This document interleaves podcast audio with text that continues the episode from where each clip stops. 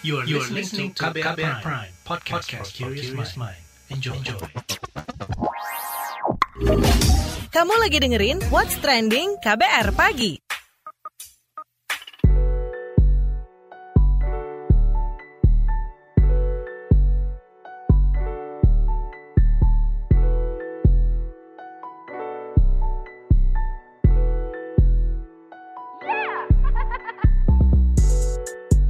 KBR Pagi, siaran pagi radio paling update. Selamat pagi, apa kabar Anda hari ini di hari Rabu 21 April 2021? Ketemu lagi dengan saya Don Brady di What's Trending KBR Pagi pastinya.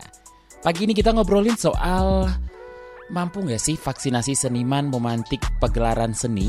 Jadi seperti kita ketahui, pemberian vaksin COVID-19 kembali dilakukan kepada 500 orang seniman yang terdiri dari budayawan, sastrawan, pelaku perfilman, pelaku bidang tari, teater, musisi, dan fashion kemarin di tanggal 19 April 2021. Mereka yang mengikuti vaksinasi tersebut di antaranya komedian Cak Lontong, sutradara Nia Dinata, dan vokalis band Gigi Arman Maulana. Sebelumnya vaksinasi massal juga telah dilaksanakan kepada budayawan dan seniman di Padepokan Seni Bagong Kusudiarja yang ada di Bantul di Yogyakarta ya. Ini di Maret lalu. Nah, juru bicara pemerintah untuk vaksinasi COVID-19, Dr. Siti Nadia Tarmizi, mengatakan bahwa pemerintah berkomitmen untuk mendukung para pekerja seni untuk tetap bisa berkarya dan bisa mengharumkan seni di Indonesia. Ia berharap dengan vaksinasi yang dilakukan ini sedikit bisa mengendalikan pandemi COVID-19. Di Jogja, beberapa seniman senior yang mengikuti vaksinasi ini di antaranya seniman Didi Ninitowo dan Butet Kartarjasa. Sebelum kita obrolin lebih lanjut soal ini, kita simak dulu seperti biasa. Opini Warganet Plus 62. Ini dia.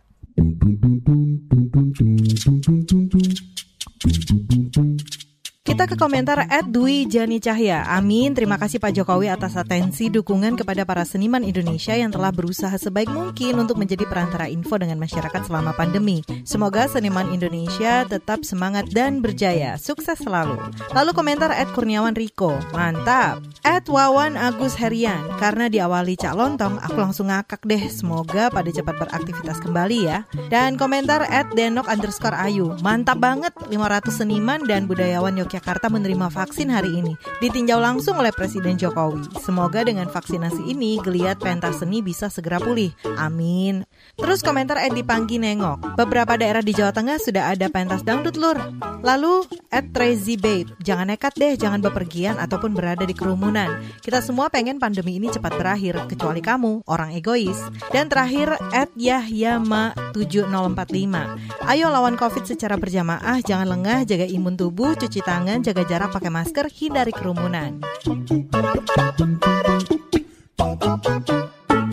What's trending KBR pagi? Balik lagi di What's Trending KBR Pagi, mampukah vaksinasi seniman memantik pagelaran seni? Nah, saat meninjau pelaksanaan vaksinasi massal untuk seniman di hari Senin kemarin, Presiden Joko Widodo mengingatkan seluruh masyarakat untuk tetap menaati protokol kesehatan walau telah mendapat vaksinasi. Menurut Jokowi, kelengahan protokol kesehatan bisa menaikkan jumlah kasus aktif yang saat ini sudah turun. Jika kasus kembali naik, maka semua sektor akan kembali terganggu, terutama sektor ekonomi.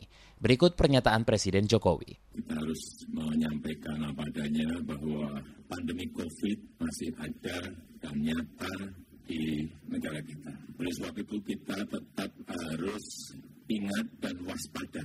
Eling lan waspodo tetap tidak boleh lengah, tidak boleh menyepelekan yang namanya COVID. Jangan sampai situasi sekarang yang kurvanya sudah lebih baik, menurun, ini menjadi naik lagi gara-gara kita lengah dan tidak waspada. Dan pada pagi hari ini, Alhamdulillah, kita bersama-sama dengan para seniman, budayawan, artis, musisi dari teater, dari seni tradisi, semuanya berkumpul di sini untuk divaksinasi dan kita harapkan beliau-beliau semuanya nanti bisa terlindungi dan tidak terpapar oleh COVID sehingga bisa beraktivitas seperti uh, biasa. Dan kita harapkan semakin banyak yang divaksin akan juga menurunkan penyebaran COVID-19. Pada kesempatan itu, aktor senior Indonesia Slamet Raharjo Jarot berterima kasih dengan adanya vaksinasi bagi seniman karena akan memicu para seniman untuk berkreasi lebih baik. Berikut pernyataannya. Pertama kali pandemi ini kan mengajar kita untuk seniman dan budayawan itu hidup sehat dan bersih. Nah, itu penting itu. Nah, hidup yang bersih itu didukung oleh polisi pemerintah dalam hal ini Pak Presiden gratis kan. Jadi melihat yang semacam itu, walaupun kita sudah divaksin, saya harus datang karena apa? Kita harus menjadi bangsa yang pandai berterima kasih dan pemimpin kita memberi, maka kita terima kasih Pak Presiden karena kami akan berkreasi lebih baik. Selamat buat teman-teman budayawan, teman-teman seniman, kita harus sehat demi Republik ini. Lalu bagaimana dengan pendapat komedian Cak Lontong soal vaksinasi yang dijalaninya? Ini dia pernyataannya.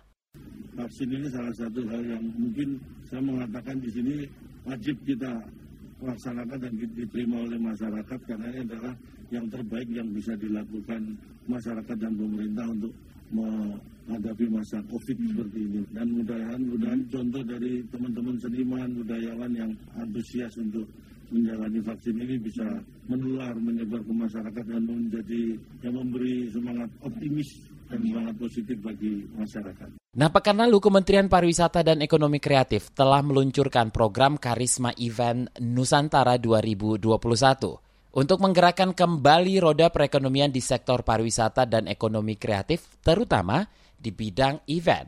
Menurut Menteri Pariwisata Sandiaga Uno, acara-acara ini boleh dilakukan di mana pun dengan protokol kesehatan ketat. Menurutnya protokol cleanliness, health, safety, and environmental sustainability wajib dilakukan jika penyelenggara event akan membuat konser ataupun pagelaran seni lainnya. Berikut penjelasan Menteri Pariwisata Sandiaga Uno pada peluncuran Karisma Event Nusantara 10 April 2021. Lahan khususnya untuk podium dan paddock semua dilakukan mengacu kepada prinsip-prinsip ESG, Environmental, Social, dan Governance. Dan kami sudah memiliki jadwal yang fix dan di tahap pertama, tahap kedua, dan tahap ketiga semua pembebasan lahan tersebut disetujui oleh masyarakat dan ada fotonya. Nanti kita akan ngobrol dengan manajer komunikasi koalisi seni, ada Bunga Manggiasi, jadi jangan ke mana-mana. Tetap di What's Trending KBR Pagi. What's Trending KBR Pagi.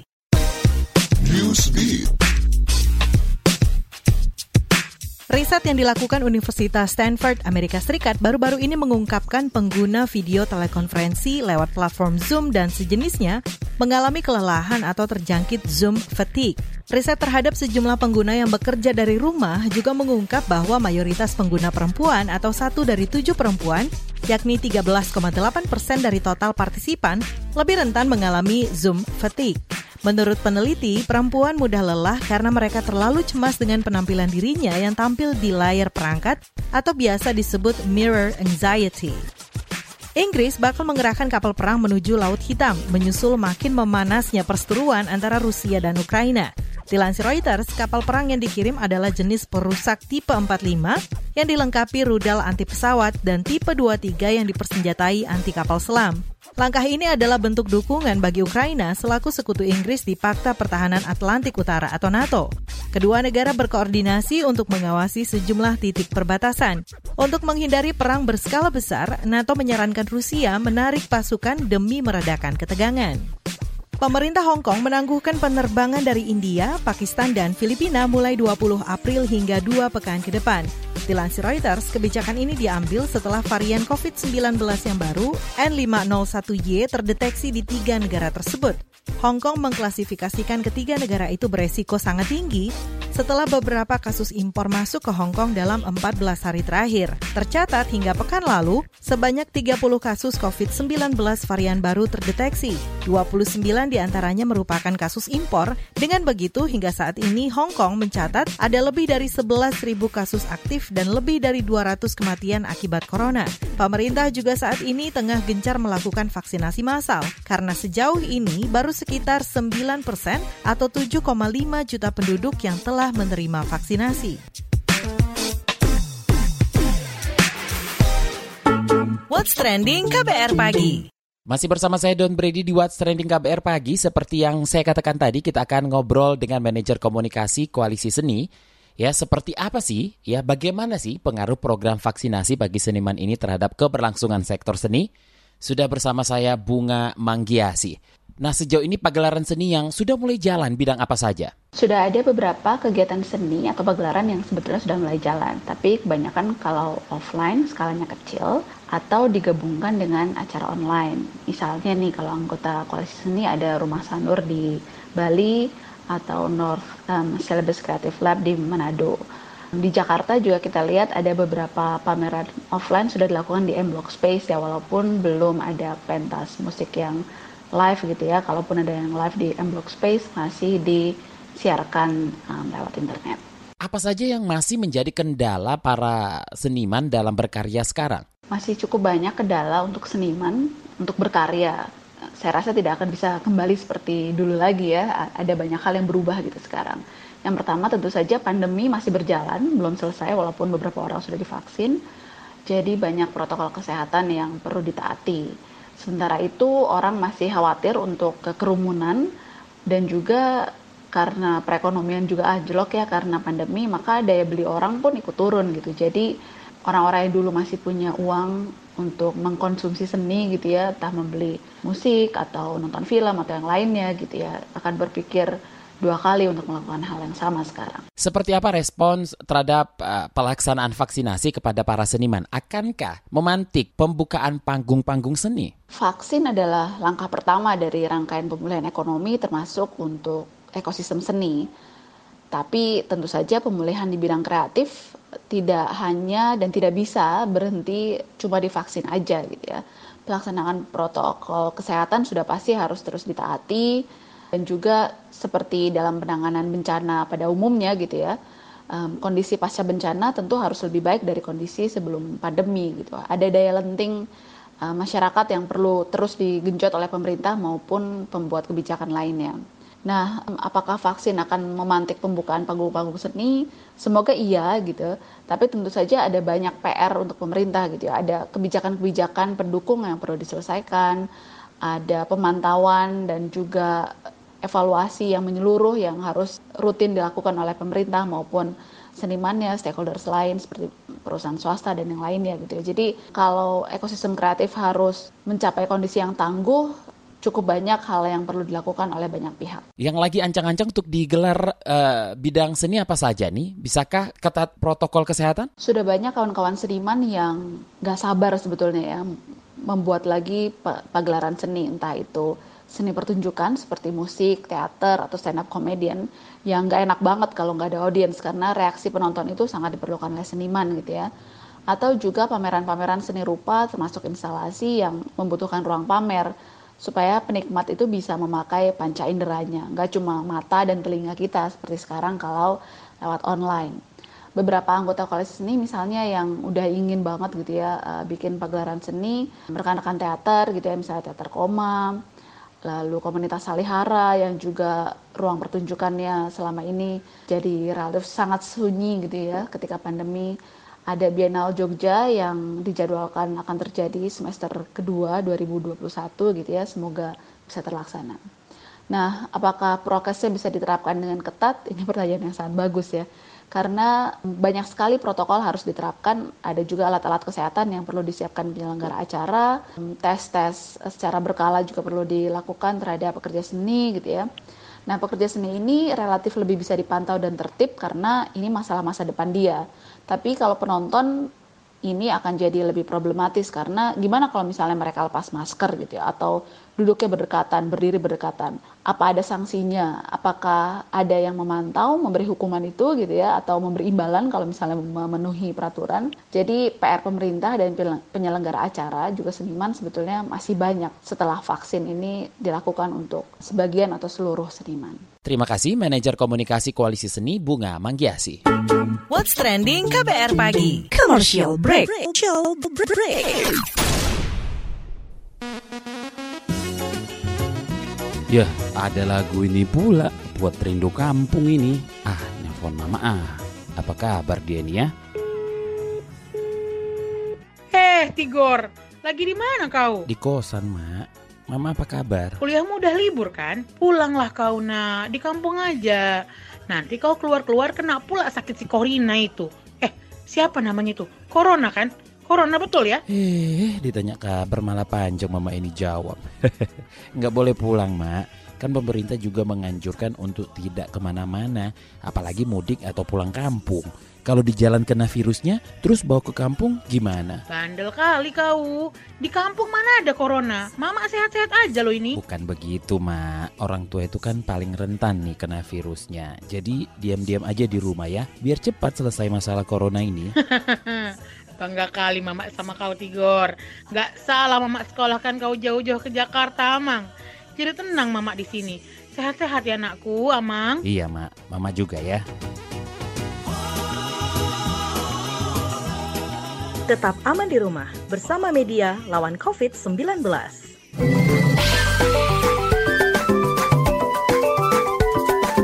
WhatsApp Indonesia.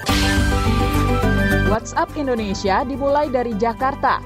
Kepala Bagian Operasional Korps Lalu Lintas Polri, Rudi Antariksawan mengklaim telah mengantisipasi masyarakat yang nekat memilih mudik lebih awal. Antisipasi ini dilakukan agar tidak ada masyarakat yang mencuri start mudik ke kampung halamannya. Menurut Rudi, pihaknya akan menambah titik-titik penyekatan untuk menekan laju penularan COVID-19. Rudi menjelaskan di daerah Jabodetabek, Polda Metro Jaya akan menambah titik penyekatan untuk mengantisipasi pemudik yang mencuri start. Menurutnya, pos penyekatan di Jabodetabek akan ditambah menjadi sekitar 34 titik. Selain menambah titik penyekatan, pihaknya juga telah melakukan operasi keselamatan sejak 12 April 2021 lalu. Kata dia, kegiatan tersebut juga mengawasi pelaksanaan rapid test antigen di rest area dan juga perbatasan antar wilayah dan kota. Selanjutnya menuju Solo, Jawa Tengah. Pemkot Solo memastikan penolakan vaksinasi di kalangan guru berdampak pada sekolah tatap muka. Wali Kota Solo Gibran Rakabuming Raka mengultimatum pelarangan sekolah tatap muka jika masih ada penolakan vaksinasi pada guru di sekolah yang bersangkutan. Menurut Gibran, langkah ini mencegah potensi penyebaran virus corona karena guru berinteraksi dengan para siswa dan pengelola sekolah lainnya. Sebelumnya, Pemkot menyebut ada dua sekolah yang para gurunya menolak divaksinasi. Pemkot masih berupaya melakukan edukasi dan pendekatan pada yang bersangkutan. Vaksinasi di Solo saat ini terus dilakukan untuk para guru dan dosen dari total jumlah guru sekolah mencapai 13 ribuan orang. Pemkot menargetkan seluruh guru dan karyawan sekolah di Solo sudah divaksinasi sebelum jadwal sekolah tatap muka Juli mendatang. Terakhir mampir Bali, Perempuan Berkebaya Indonesia atau PBI Provinsi Bali mendukung pelaksanaan kegiatan Kartini Go Surf untuk menyosialisasikan penggunaan kebaya untuk aktivitas sehari-hari bagi masyarakat. Kegiatan Kartini Go Surf ini juga menampilkan peragaan busana kebaya di Pantai Kuta. Acara ini dibuat untuk menampilkan eksebisi berselancar yang dilakukan oleh perempuan berkebaya. Melansir antara, Ketua PBI Provinsi Bali Tini Rusmini Gorda mengatakan niatnya untuk mengajukan kebaya sebagai warisan budaya dunia kepada UNESCO.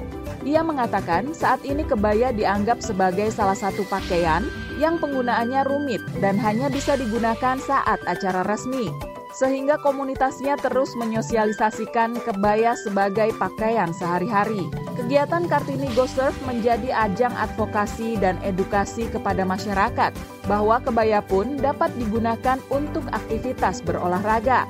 Kegiatan ini juga dapat mendorong para desainer untuk menciptakan kebaya dengan model yang cocok digunakan dalam aktivitas olahraga. Demikian WhatsApp Indonesia hari ini. Demikian kabar pagi hari ini. Jika Anda tertinggal siaran ini, Anda kembali bisa menyimaknya di podcast What's Trending yang ada di kbrprime.id, di Spotify, dan di aplikasi mendengarkan podcast lainnya. Terima kasih sudah mendengarkan. Don't Brady undur diri. Besok kita ketemu lagi. Stay safe. Bye-bye. Terima kasih ya sudah dengerin What's Trending KBR Pagi. KBR Prime, cara asik mendengar berita. KBR Prime, podcast for curious mind.